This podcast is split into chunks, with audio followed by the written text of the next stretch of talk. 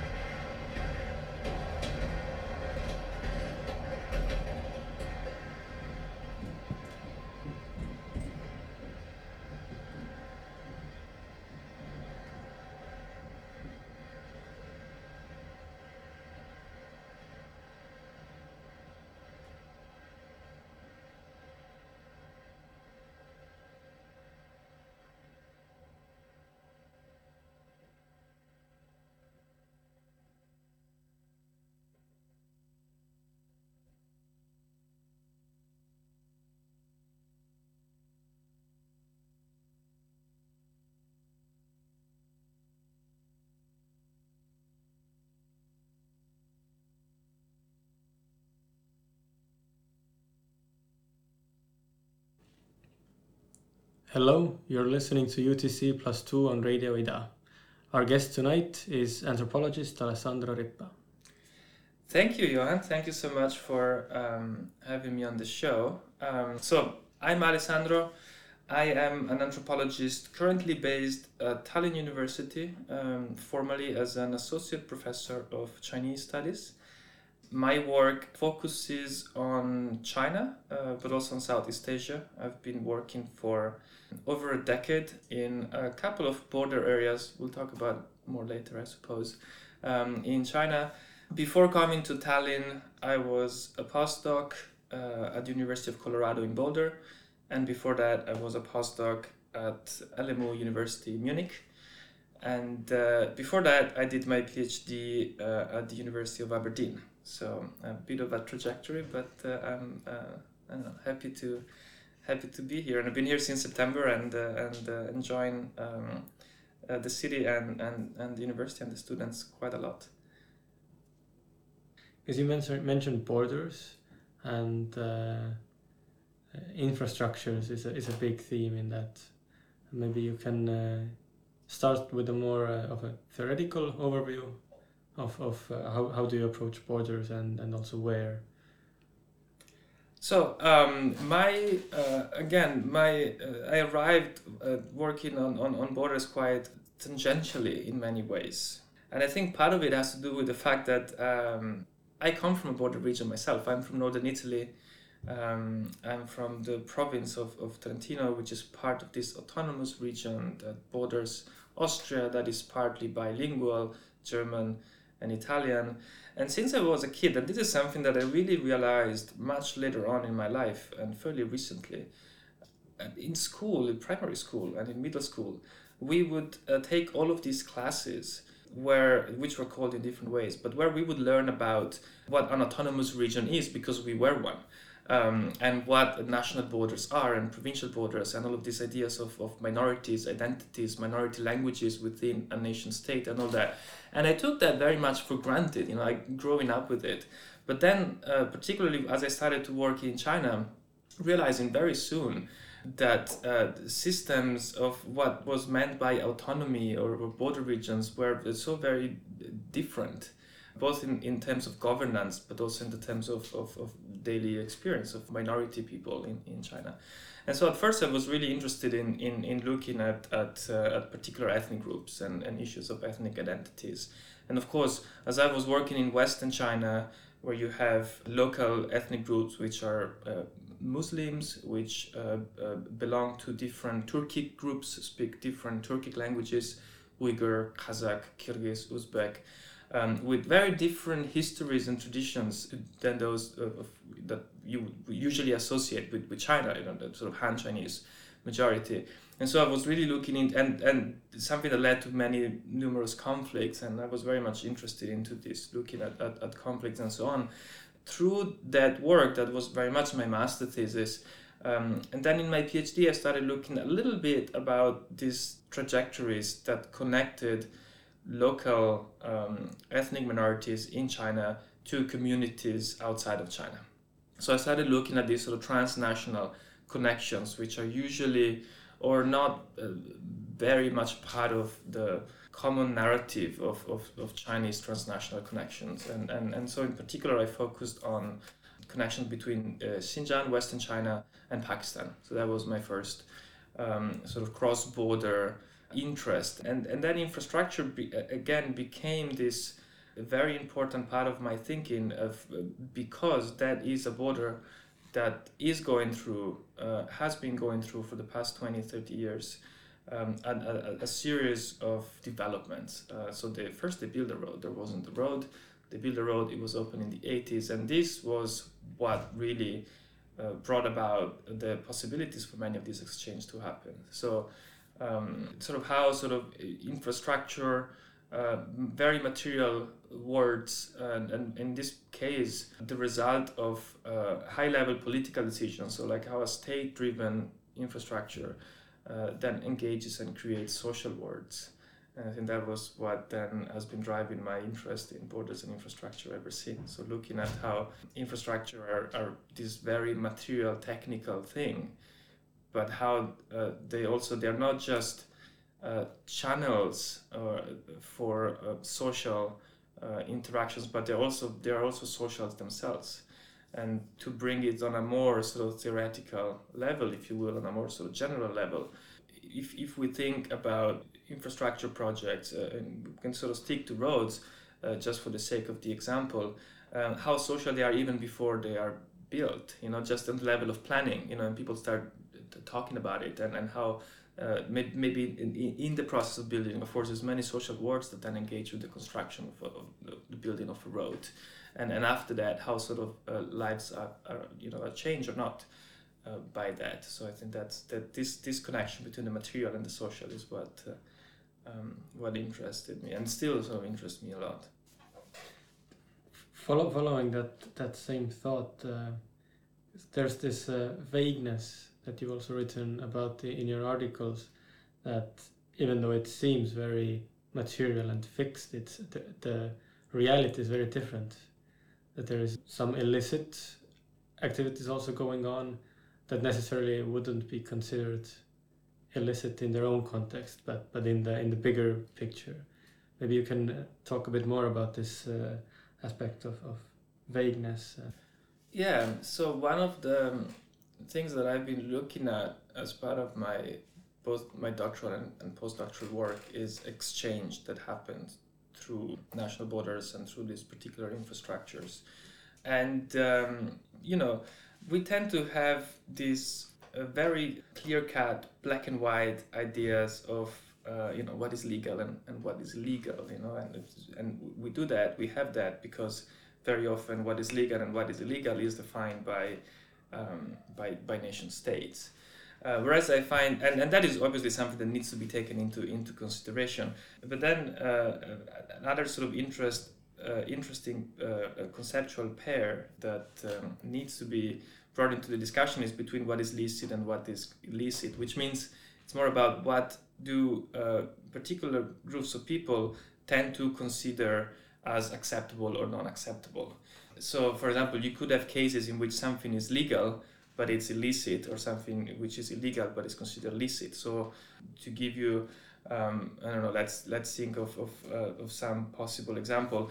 Well, so the, well, example from the fieldwork is uh, you know you have where I was working at the border between China and Burma this time, you would have uh, gemstones, um, amber and, and, jade, which were imported into China illegally in the sense that they uh, were not going through customs um, so there were no taxes paid on them. Um, but even perhaps most importantly, they are extracted under um, uh, well um, very difficult conditions uh, and they are exported illegally from Burma. This is also the case with Burmese timber, for example, which till very recently was um, was being brought into China in very large quantities and it was exported um, illegally from from Burma. Uh, but that but that those particular products were considered uh, licit on the Chinese side, and, and it was completely acceptable that people would engage with this uh, with these kind of products. So again, um, these sort of gray areas that, um, on the one hand, produce forms of exploitation and regimes of extractions that are environmentally, socially uh, extremely problematic and extremely damaging on the one side but it also allows for particular opportunities uh, on the other side. And so many of the people that uh, on the Chinese side in particular uh, were and are involved with these businesses, well, you do always have the so-called the big bosses, but you also have a lot of, uh, of, of, of, of, people from very sort of poor and rural backgrounds who manage to, you know, um, amass little fortunes and make some money uh, out of this out of these businesses. Um, again, it's always um, I mean, it's the, the, the, moral question. It's always it's always there, uh, and it's not just uh, me asking the question, but it's also um, you do have um, very much uh, people at the local level who, who you know, I've, I've talked to many people in, in, in the timber business, for example, who were very openly saying, um, what we've been doing over the last 20 years, we've been destroying this forest in Burma, and, and you know, and, and none of them was particularly proud of that, and, and some of them were, or at least showed some many signs of, of remorse, or like were at least thinking about it. So there are these questions are, are not just, just abstract and not just asked at academic conferences, but are also part of the way people uh, people go about their lives and businesses. What are maybe some of these? Uh, are they ideologies or, or even uh, um, religious feelings or, or simply empathy towards something or someone that that comes to play when, when you're looking at these people who are destroying something or, or, or extracting something which which m- may be a, a, final action. There's there's no coming back from that. You mean on my side? What do i from your fieldwork or, or from from uh, the general literature or research on, on these topics what are the, the the powers that come into play when when you see someone who is let's say the, the kind of a big man but like you say they, they do have some remorse over it so what is it that makes them feel remorse? Is it uh, is it the community or, or something else? Well, I think one one important uh, element to stress once again is that um, very often when, when we when we read about about you know these kinds of of extract you know extractive regimes and this development of, of, of China Chinese businessman going into some um, you know um, developing country and ripping apart its resources and, and whatnot. It's very easy to depict this image of uh, of you know of the bad China, and we always sort of conflate you know business and state, and sometimes you know for good reasons. But uh, this idea of, of, of, of this sort of big sort of Chinese hungry Chinese um, um, sort of power coming into these these poor poor countries and and and certainly there is an element of that you know and i'm not here to to deny any of that but i think what my research um, shows is that there is also always an element of of local interest and it's it's a lot more it's a lot it's it, it you know it's it, you, you cannot easily sort of you know put the bad guys on the one side and and, and the good guys on, on the good you know naive local population. I mean, there, there is a lot of a lot of people, uh, you know, for example, within Burma or within you know countries like Laos and so on, that that have benefited from it, even encouraged.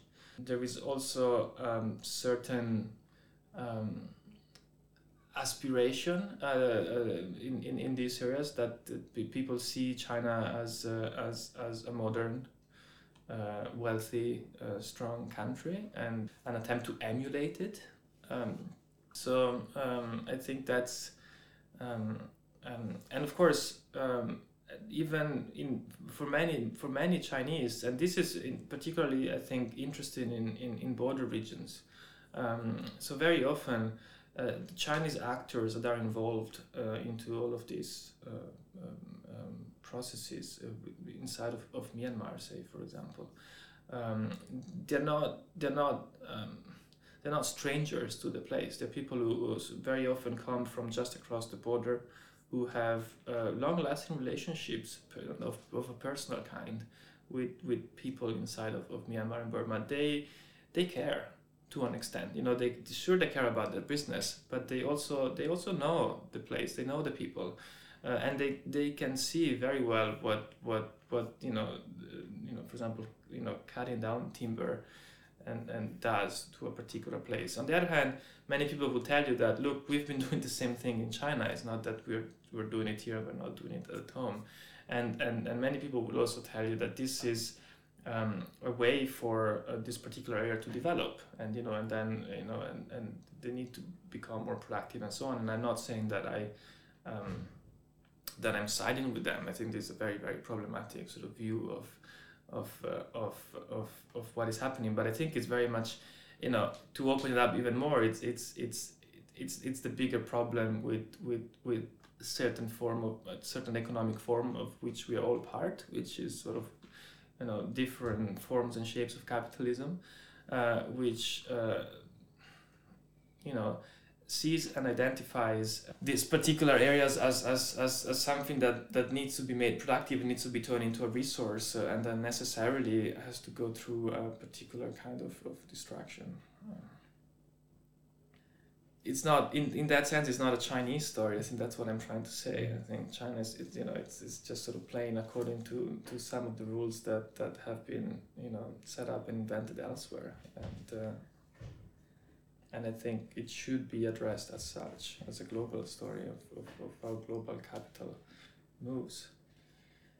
Especially when it comes to borders which are inherently about movement and, and trade constant trade. So it makes sense to think of it as a, as a larger issue. Well, there's this this this, this interesting thing about border is also that you know it they, they are about about flows and movement and trade, but they're also very much about containment, you know, and so there's this this both this this sort of contradiction um, of, of border as uh, as as as, uh, as something that it's supposed to to to keep something or someone from going out or from coming in, right? The the, the border as a as an edge as a limit but also the border has this sort of opportunity for uh, openness and for um, exchange of you know which can be both material or cultural or whatever whatnot. So um, and this you see very much um, and I think that's one of um, the things that comes through in, in, in my work. It's how ambivalent uh, these these places are in the sense that uh, and I look at it mostly from the Chinese side but on but but if you look at how Chinese government approaches its national borders, there's always this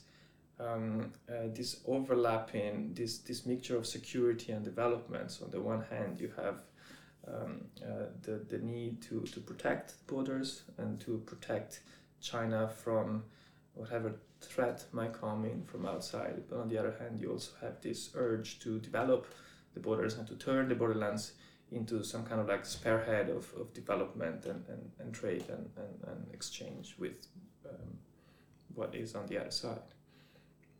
When it comes to border control, does creating more control or, or trying to control borders more, not even does, but how does it uh, facilitate or, or fight against uh, trade and, and kind of regulate the trade, but also uh, unregulated um, operating practices, illicit trade, and, and simpler movement of people or, or even animals. This takes very uh, different uh, forms and shapes in different parts of China. What I try to do in my work, the, apologies for the self promotion, but I'm working on a book manuscript that should come out next year, which um, sort of compares um, the situation at the border between China and Pakistan, at the border between China and Myanmar. Um, and uh, the situation are, are, are different, uh, different histories and, and different uh, different context, um, but also different uh, issues within China. So um, China, the Chinese government perceives or that it's facing this uh, Islamist threat in in Xinjiang, uh, in Western China, and has in over the last decade sort of set up very much a security state that that recently it's um, for very good reasons in the news because of the system of prison camps or something that I, I have no problems calling concentration camps where over a million um, um, Muslims are, are held obviously against their will to be uh, quote unquote re-educated to use uh, the Chinese Communist Party uh, vocabulary. But so we have a situation which uh, the, the, the, communist Chinese leadership sees as, as very dangerous and threatening, right? Um, and so uh, China's been sort of setting up uh, you know checkpoints and, and, and a surveillance state that is probably unprecedented on, on, on, on a world scale and uh, this has had numerous um, impacts on, on cross-border trade, for example, with Pakistan. And one of the things that, that have happened is on the on the one hand, uh, um, you have uh, the Belt and Road Initiative, and you have Xinjiang as one of the key areas in China as part of this new Silk Road and so on. So you have the development of new infrastructure and the central state and the, the and, and, and, and, the, and the local government putting in a lot of money into building new uh, roads, railways, special economic zone, what have you. Um, and on the other hand, um, you have uh, uh, the state uh, pretty much making it impossible for local uh, Uyghurs or Kazakhs uh, to travel, to get a passport, to go abroad for business, for example. So ten, until 10 years ago, you would have uh, quite a lot of small scale Uyghur entrepreneurs who would go to Pakistan and would have sort of their business relations. You would have Pakistani traders coming to Xinjiang, um, um, you know, buying up um, dried fruits from China or different kinds of electronic products from China, sell them in Pakistan. And this form of smaller scale, what we may call informal um, economy, has been pretty much, uh, to my understanding at least, over the last few years, almost entirely compromised by uh, the security apparatus that have been set up in Xinjiang. So again, this contradiction. On the one hand, you want to create the new Silk Road. On the other hand, you sort of make it impossible for uh, you know small scale entrepreneurs to, to, to, to, to, to engage with any form of, of cross border trade, um, which uh, also speaks to me to uh, the ways in which uh, Chinese leaders seem to understand uh, what the Silk Road is and what the Silk Road spirit is, but maybe we're going into another direction that uh, uh, I don't know. I don't know if we want to go into that direction. Maybe we can bring in the, the notion of periphery, which I think fits in quite well when, especially when we're talking about the, the Silk Road. That and depending on from which position we're looking at China or, or these border areas, how does this how, how is periphery contextualized in in China or, or in your work, both kind of looking from external and, and internal perspectives?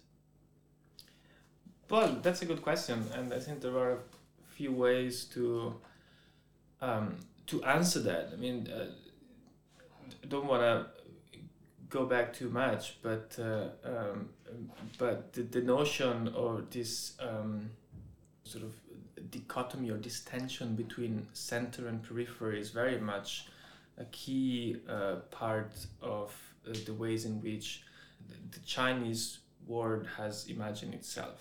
Uh, in, in, in imperial times, so for throughout uh, um, several centuries, uh, and to an extent still today. So you have a, a, a, partly, which is also reflected in the current um, political structure, which is uh, still fairly centralized. Uh, for a country that is so vast and so diverse as China, still has a very sort of fairly centralized um, system of governance.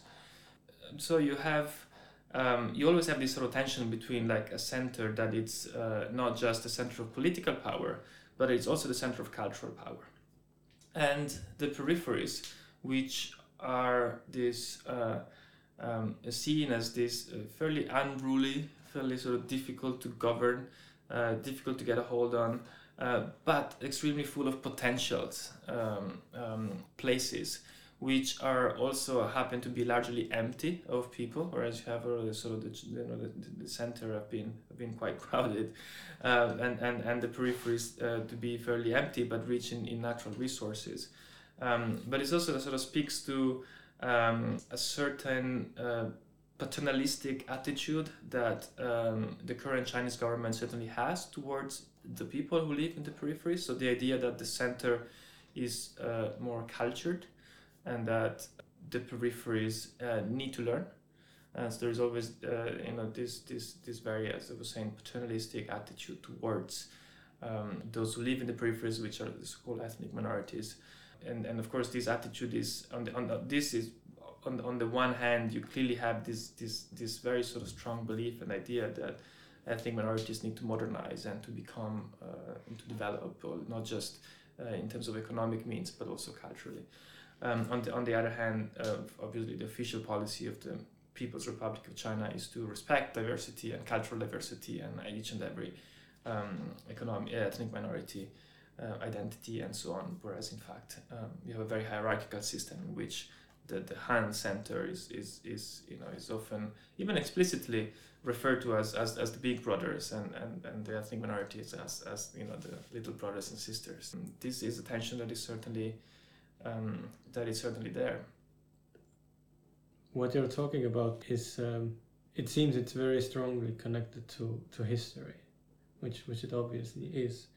Bringing talk maybe briefly away from, the, from your specific topic into kind of anthropology in general, thinking about history and future is, is, a, is a hot topic currently. And what do you think about anthropology's uh, position as looking into looking at, at subjects and, and uh, subject matter that is quite often uh, past rather than future and, and when thinking about your own research and, and the, the area where you're doing fieldwork, uh, China, which is at least promoting a view into the future, then how, how does anthropology fit in there? That's another good question. Um, let me think about that. I think as a as a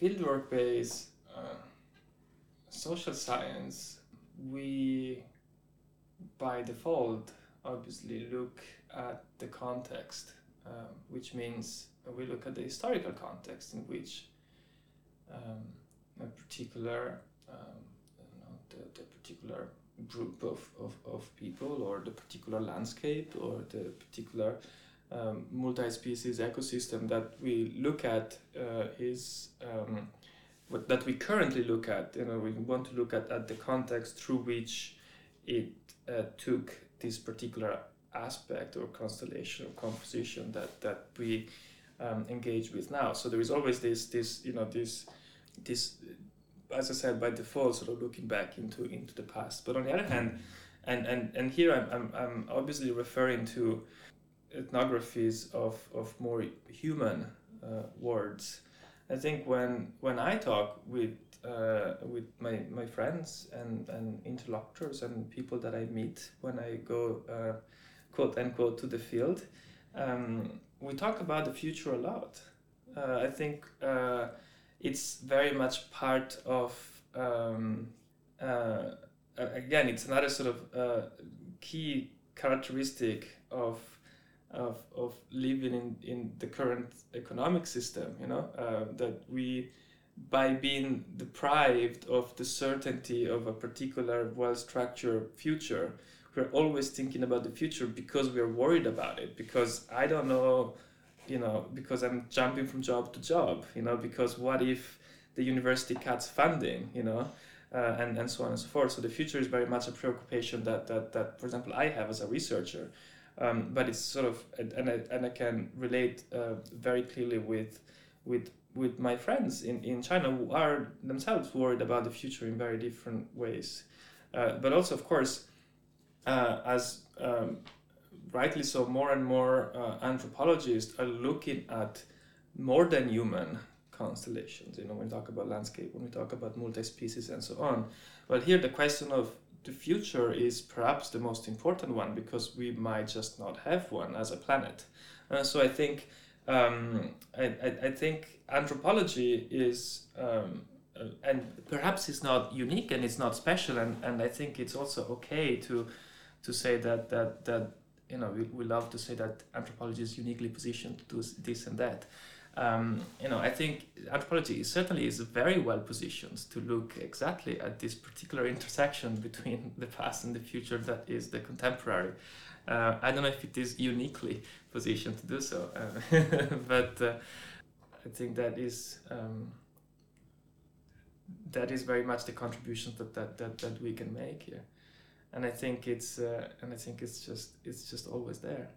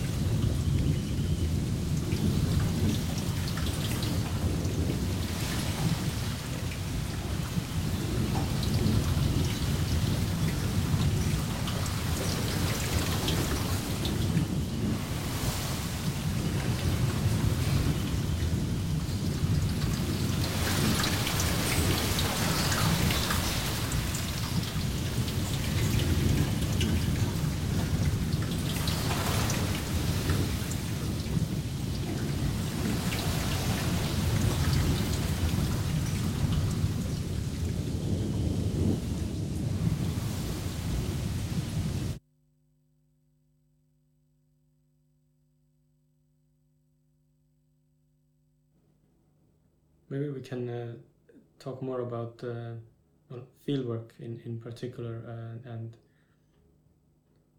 and how, how you conducted fieldwork and and in in which kind of stages and and I can imagine that you were also involved with different and often contesting powers and, and agents. So maybe you can talk more about that.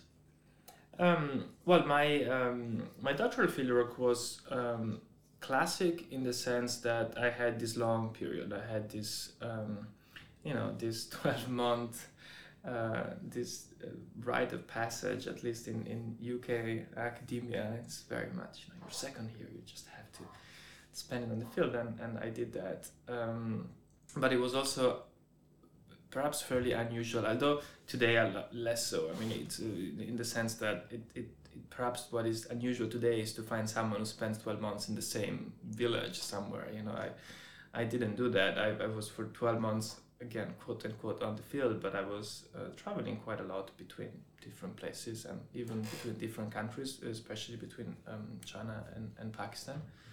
Um, but again, uh, it, it, it, as I realized in the in the in the following years, as I've been um, going back and forth between Europe and China um, um every year, with one one exception was one year I, I couldn't go, but otherwise I would go every year and, and sometimes even just two or three times per year for one or two months or even for uh, for a bit longer.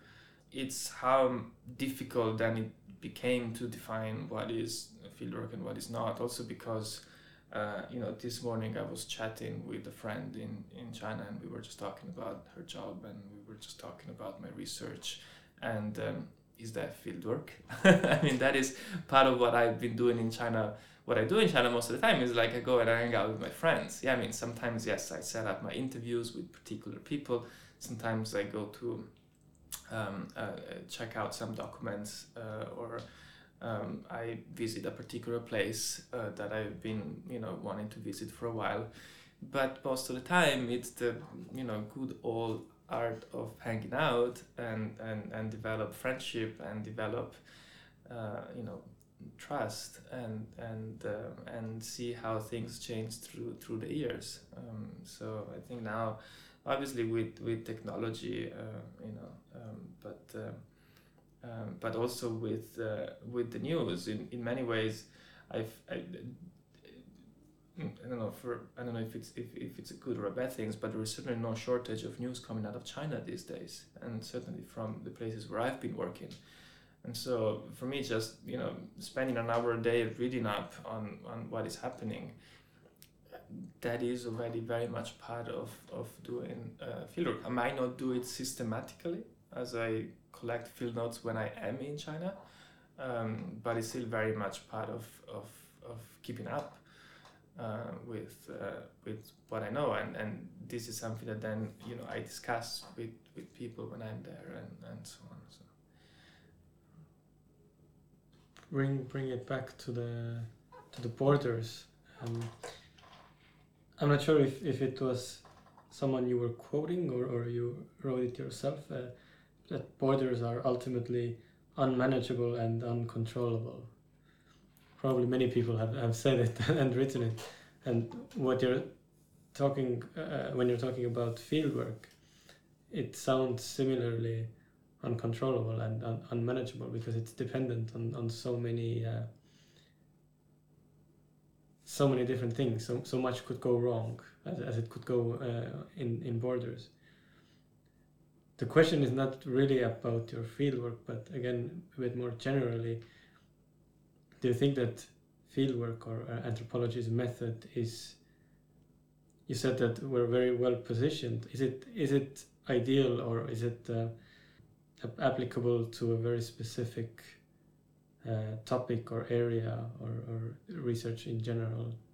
Do you think there's something that this kind of practice that is uh, sometimes ambiguous and, and uncontrollable, is it very good for something specific?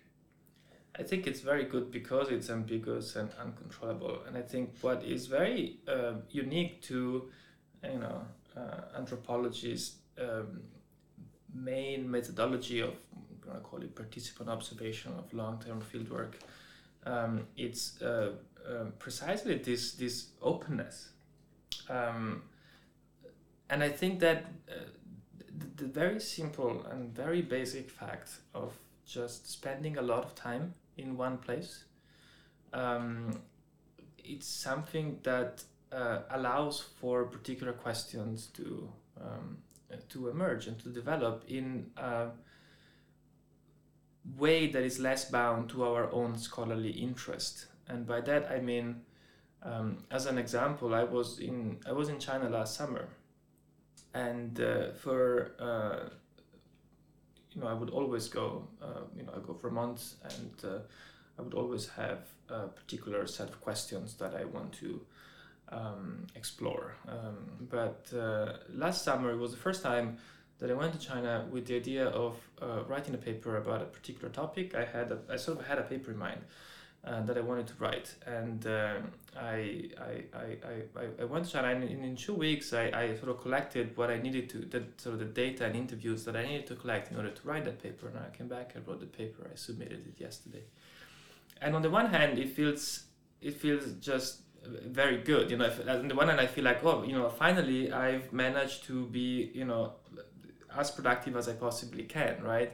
But then on the other hand, I felt like, oh my God, this is like I've been, you know, I I, I now fall for the sort of the neoliberal academia, and I'm just now doing things the way the way sort of I, I don't I don't think should be done because I sort of I, I felt like in, instead I should I should I should go to China with a few questions of course but also with that openness of exploring new potential topics and ideas and, and things that might come my way. Um, and um, and I think, of course, there is a lot of value in, in saying I have two weeks and I have a very sort of uh, uh, particular questions that I want to address, and I have uh, you know a, a, set of, of questions and interviews set up to do so, and it's very important to have that organization. But I think what is unique, perhaps, to anthropology is that particular openness that comes with uh, with just with time um, and and and keep and going back and sort of and and, and that always sort of bringing um, even the same questions back with you and uh, and uh, and uh, perhaps going back to some of the writings that you've done uh, you know a few years before and see well maybe I was wrong or you know I was right. And and sort of keep keep looking at, at what is what is happening and keep that that open mind. And I think that is the, the, the key difference there. It's it's it's just time. It's time. I think it's uh, good to finish the official talk with this openness and then hope of revisiting previous research and, and places. But I have a, a last question that I've managed to ask uh, a few of the previous guests on this show, uh, which is a very simple question. What is the most exciting uh, field or research in anthropology, aside from your own that that you feel really inspired by and then you you, you kind of look up to or, or keep up with? I think there is a lot of great work now done in uh, multi-species um, um, ethnographies that I think are um, not just pushing the boundaries of the discipline for the sake of pushing the boundaries of the discipline, but uh, in bringing in a lot of the um, insights that have been sort of shaping the, the, the, discipline in the last few decades. And by that I mean um, there is a lot of a lot more awareness on the way we write, and now sort of the the, the, the, the, writing itself I find um, uh, certainly more experimental uh, certainly a lot more interesting. Um, and I think that a lot of this very positive experimentation happens in uh, in these kinds of works, and a lot of that has to do also with sort of a sort of post-humanist, uh, very much sort of informed by feminist literature, um, awareness of, of our positionality as researchers. Uh, which also connects with, with, with the writing because we need to sort of find new ways to talk about us as we humans are not necessarily the center of what we're writing about and so how to get around that paradox of like you know you know of a human writing something about uh, something that is not necessarily human or not entirely um, and you know of course particularly for anthropology which sort of has the human in, in the very name of the discipline and so um, and i think that is um, that's what um, I think that is what is some of the most interesting work that is being done in anthropology right now. Yeah. You've been listening to UTC Plus 2 on Radio Ida. Our guest tonight was Alessandro Rippa. Thank you. Thank you.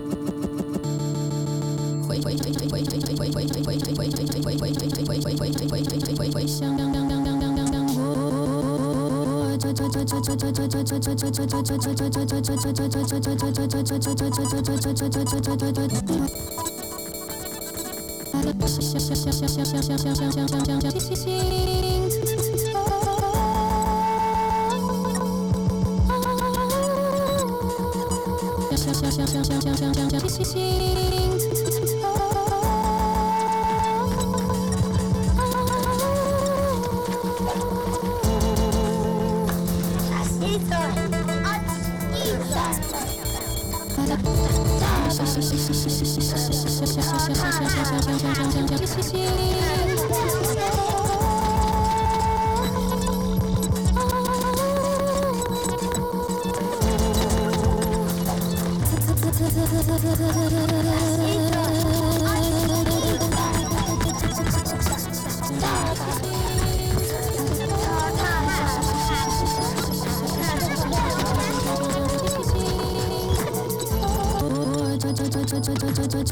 去